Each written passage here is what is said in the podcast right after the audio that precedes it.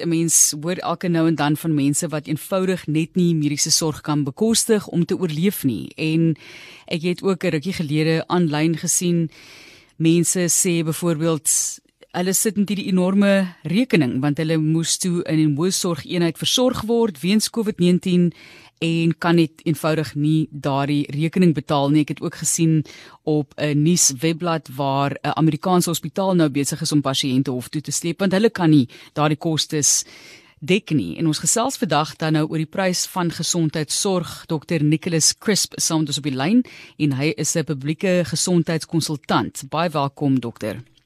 Ja, uh, middag Matius, baie dankie vir die geleentheid. Ek weet jy staan nou vandag pa vir enige vraag wat ons vra. Ehm um, sterkte met die vraag ook. Luisteraars is welkom om ook vrae in te stuur. So dit is 'n baie wye onderwerp dokter, maar kom ons vra net die ooglopende vraag. Hoekom is gesondheidsorg so ongelooflik duur? Ja, ek dink daar's glad daar's definitief nie net een antwoord nie, maar ek dink uh, ons kan maar begin met 'n paar basiese goed. Die eerste ding is dat ehm um, dis arbeid intensief en wat ons vir mense betaal beide verpleegkundiges, dokters en al die ander personeel wat betrokke is by gesondheidsorg is duur mense en daar's baie mense betrokke by gesondheidsorg. So die die kostes van uh, salarisse, oortyd en dit wat ingaan in uh, in die ehm um, totale koste van die mense wat die diens moet uh, verskaf is geweldig baie. So in die openbare gesondheidsdienste is daai syfers nou uh, kapitaal uitgesluit hier in die omgewing van 70% van die totale gesondheidsbegroting van die nege provinsies. Dis geweldig baie. Dit beteken dat net 50 uh, net, net 30% van die uh, uh oorblywende geld is beskikbaar vir medisyne, vir vervoer, vir al die ander um goed wat 'n mens moet koop om, om 'n gesondheidsdiens te lewer. So dit dit is die eerste cost driver soos ons dit noem. Um natuurlik as jou as jy jou salaris ehm um, individuele pakkette kan onder kan minder hou dan is dan het jy minder kostes maar dan is daar oortyd ehm um, wat uh, moet betaal word as mense you know as hulle diens toe kom dan moet jy hulle betaal. Maar in die privaat sektor is daar nie beheer oor salarisse nie. Dis 'n winsomgewing in 'n vrye markomgewing. So ons weet nie wat betaal hoeveel neem 'n uh, 'n privaat praktyk of 'n privaat hospitaal uit wat dit uh, die mense kostes betref. Uh, dit dis 'n insetkoste wat uh, basies onbeheerbaar kan wees in die private sektor en redelik onbeheerbaar is vir die gesondheidsdienste in die in die openbare sektor want dit is 'n 'n bargaining issue dit word in 'n sentrale bargaining chamber bepaal. Ehm um, dan is daar natuurlik al die ander kostes, die medisyne kostes in die openbare sektor is dit die volumes wat uh, help om die pryse af te dryf, maar in die open in die private sektor is daai volumes nie daar nie en hulle moet in die openbaar gaan kompeteer vir pryse. So vir hulle in die private sektor is medisyne en al die ander toebehore wat hulle koop geweldig duurder as wat mense in die in die openbare sektor sal betaal dan is dit natuurlik vir hulle 'n wetomgewing en dit is 'n ekstra 15% by ensovoorts. So dit is dit is uh, twee van die groot cost drivers, maar die ander een is die gebruik van dienste. So as jy nie gesiek word, nie siek genoeg is om uh, om 'n diens te kry, maar jy kry wel daai diens omdat dit nou bepaal is deur 'n verskaffer van die diens, so demand driven, uh, deur die ehm um, deur die verskaffer dan kry jy nie noodwendig dienste wat wat jy regtig nodig het nie. En baie keer het gebeur veral nie net in die private sektor maar ook in die in die openbare sektor, maar veral in die private sektor omdat mense bang is vir uh vir die prokureurs en dat hulle nou probleme gaan optel uh, as hulle as hulle nie ekstra goed doen. So hulle vra addisionele lab toetse, hulle gee medisyne wat uh hulle dink net om te dek ingeval en so voort. En dis dis nie 'n gesonde omgewing om in te te te werk nie. So soos ek sê, daar's baie baie redes hoekom hierdie kostes uit hande uitdruk. Ja. En mens kan natuurlik ook gesels oor, jy weet, as jy nou net vreeslik filosofies wil raak, dokter, die menseregte kwessies, mens eintlik dink daaraan dat daar is 'n behandeling vir iemand beskikbaar. Ek het byvoorbeeld met 'n internis gepraat. Hy sê hy het 'n pasiënt Die persoon is 'n polisiebeampte en daar is 'n behandeling. Hy's nou besig om te ly aan COVID komplikasies. Die behandeling kos R10000 en dit gaan sy kans op, op oorlewing baie baie verbeter, maar die familie het nie die geld om daarvoor te betaal nie. Dit ek weet dit is vir julle seker as by die see geweldig swaar om met sulke omstandighede te werk en die frustrasie wat jy sien wanneer jy weet jy iemand se lewe kan red, maar daar is nie die geld nie en waar jy die morele streep trek en die realistiese menslike finansiële streep trek. Ja, natuurlik. So that's um I mean that's a part of it. So the een is um that COVID is a PMB, prescribed benefit benefit minimum benefit.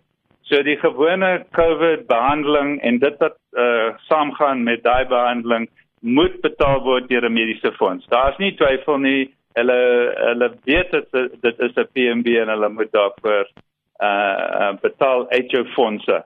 Maak nie saak wat 'n uh, pakket jy het en aan wat se mediese fonds jy behoort. Maar dan is daar 'n uh, fyn lyn tussen wat is nie eintlik deel van die COVID nie. So wat is 'n ander siekte, ander komorbiditeit se se probleem wat nie deel is van die COVID behandeling? En dis waar mense nou 'n probleem in harte. So die probleem is dat ek en jy en die algemene persoon op straat weet nie in die begin van die jaar hoe wat, wat is ons siektes, waarvoor moet ons onsself verseker en watter tipe pakket kan ek koop en wat kan ek bekostig en wat word gedek en so. Dit is geweldig gekompliseer. Daar's 74 mediese fondse. Elkeen van hulle het verskillende pakkette. Ons verstaan nie almal die prescribed minimum benefits. So dis 'n dis 'n ongelooflike uh moeilike terrein om om in te beweeg. En dit is hoekom ons 'n national health insurance of 'n nasionale gesondheidsversekering nodig het. Dit moenie jou vermoë om te betaal wees wat voorskryf watse behandeling jy kry. Jy moet jou behandeling kry omdat jy dit nodig het. En nou ons moet vir mekaar verseker in hoe National Health Insurance werk is dat jy ons verseker vir mekaar deur deur die belasting in een mediese fonds te sit. Een groot pool sodat wanneer ons dit regtig nodig het, ons dit kan kry.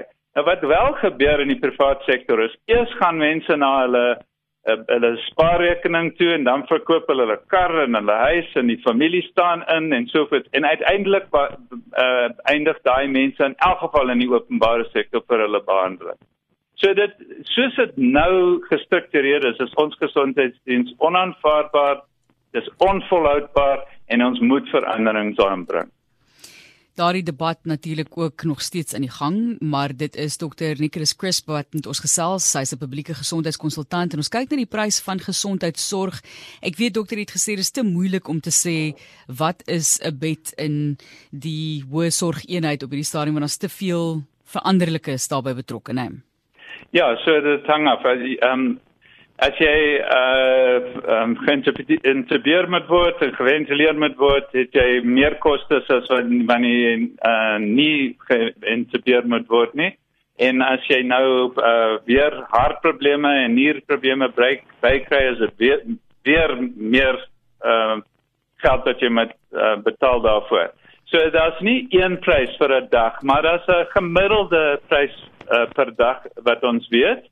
In die openbare sektor is elke ICU anders. So byvoorbeeld die die pulmonology of die long uh, ICU's het verskillende kostes wat ons wat ons weet is redelik gemiddeld en dan vir hart ICU's en so voort. So in die private sektor weet ons nie presies wat dit kos. Ek is seker hulle het 'n idee en ehm um, maar dit is nie dieselfde vir elke pasiënt nie. Is in skakel op 360 jou vra baie welkom 45889 dis rand 50 per SMS soos die vraag van Jacques wat sê is 'n sogenaamde gap cover polis die moeite werd om te hê en hoekom dokter? Okay, so soos ek verstaan is gap cover is eintlik vir ehm um, die goed wat jou jou spesifieke plan nie dek nie. So dit hang af wat se wat se uh, plan jy het. So as jou mediese fonds in jou pakket wat jy uh, gekoop het net out of hospital. So glad nie uh, I mean as dit net in in hospital, net 'n hospitaalpakket is en nie 'n 'n 'n volle dekking het nie. Dan is jou gap cover vir jou um, beskikbaar vir jou besoeke aan GPs en so voort. Maar vir iemand wat nou 'n total cover het, wat 'n groot pakket het, is daai gap cover heel waarskynlik nie so ehm um, nodig nie. Maar dit hang baie uh, daarvan af wat is in jou pakket en wat is jou ehm um, gewone gesondheid kwale en wat jy voor wil dek. Die probleem is ons weet nie wanneer ons in 'n ongeluk betrokke kan gaan word of ons nou gediagnoseer gaan word met iets wat ons nie voorsien het nie. En dis hoekom hierdie stelsel nie volhoubaar is nie. Daar is natuurlik ook mense wat sê die gesprek tussen jou as pasiënt en die dokter is baie belangrik as dit kom by kostes. Maar ek weet nie of dit altyd so baie plaasvind nie. Die dokter is daar om jou te behandel, maar is die gesprek met daardie dokter in terme van kostes ook belangrik? Ja, baie belangrik. So eerste ding is die dokters weet nie altyd wat is die kostes nie, want dit is nie hulle primêre primêre taak om alles te weet. So dit sal nie noodwendig weet die koste van elke medisyne wat hulle voorskryf of uh, die chirurgie wat hulle voorskryf, maar hulle praktis hulle praktyke behoort te weet, nou behoort iemand te wees wat uh, wat 'n mens kan vra en jy kan definitief vir die mediese fondse vra. Jy sal sien byvoorbeeld jou plan van miskien sê prosthesis maximum per jaar. Nou jy weet nie waaroor dit gaan nie. Nou word jy gestuur na 'n hospitaal toe en jy kry een of ander implanting of 'n skroef wat ingesit moet word en die skroef kos 10000 rand. Maar jy het nou nie geweet dat dit is 'n prothesis. Nou wat maak jy daarmee? So jy moet vra en jy moet vooraf onderhandel en en vra kan ons nie dit goedkoop kry? Is dit nodig vir die titanium ding? Moet ek kan ek nie iets anders goedkoop kry? Want daar's baie oplossings vir vir dieselfde probleem. En is hierdie behandeling in elk geval werklik nodig? Ek was in 'n gesprek vanoggend en ek het gehoor die persoon praat van uh hoe die pasiënte dring aan op uh, antibiotika. Dis dit is die probleem is dat dokters dan skryf voor en hulle skryf 'n uh, miskien iets wat duur voor is. Hulle weet nie noodwendig dis wat dit kos en dan moet jy daarvoor betaal. Ons moet ons moet as pasiënte begin vra, do I really need this? Is dit werklik werklik nodig? Is dit die beste? Is die goedkoopste kan ek dit bekostig? En dis jou reg om dit te doen. En ons het hier van Ruby Steenkamp ook 'n vraag. Sy het gesê sy is 'n makelaar en dat die sogenaamde gap cover nou eintlik iets anders beteken. Dit is vir inhospitaalkoste wat dokters meer vra as wat medies betaal. Vir sogenaamde co-payment ensovoorts en sy sê sy kan dit vir my aanstuur. Maak gerus so. Ruby is baie welkom. En wat is jou opinie daaroor? Dit is dan vir inhospitaalkostes Ja, ek ek weet dat I mean ek het verskillende soorte gap cover gesien. So ek is bewus dat daar is gap cover vir addisionele kostes in hospitaal en dit sluit aan by die vorige vraag wat die ehm um, persoon gevra het kan ek met my dokter praat. Jy kan. Daar's baie praktyke waar hulle vra presies wat die mediese fonds bereid is om te betaal en daar's ander wat addisionele kostes vra. Jy jy as pasiënt moet vra, wat is dit? En en jy kan dan uitwerk of jou gap cover dit ook gaan dek.